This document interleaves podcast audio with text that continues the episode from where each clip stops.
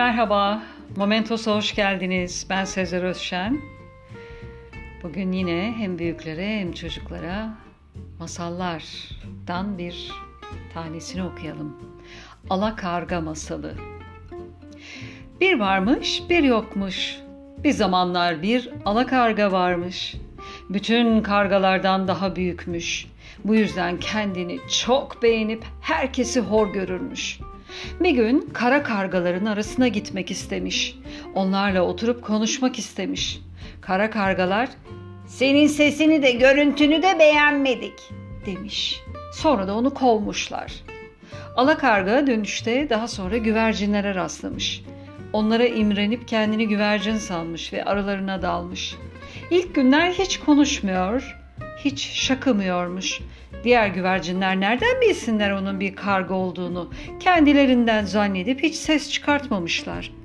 Alakarganın kendi içlerinde bulunmasına ama bir gün alakarga bir öteyim demiş ve o zaman hilesi ortaya çıkmış.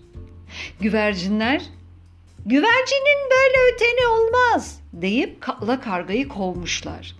Alakarga ne yapsın? Yine alakargaların arasına dönmüş. Ama bu kez alakargalar onu istememiş. Sen bizi terk ettin. Bundan sonra aramızda yerin yok demişler. Böylece alakarga yalnız başına kalmış. Diğer canlıları hor görmenin yanlış bir şey olduğunu anlayan alakarga bir daha da kimseyi hor görmeyeceğine söz vermiş. Huyu düzelen alakargayı arkadaşları aralarına kabul etmiş.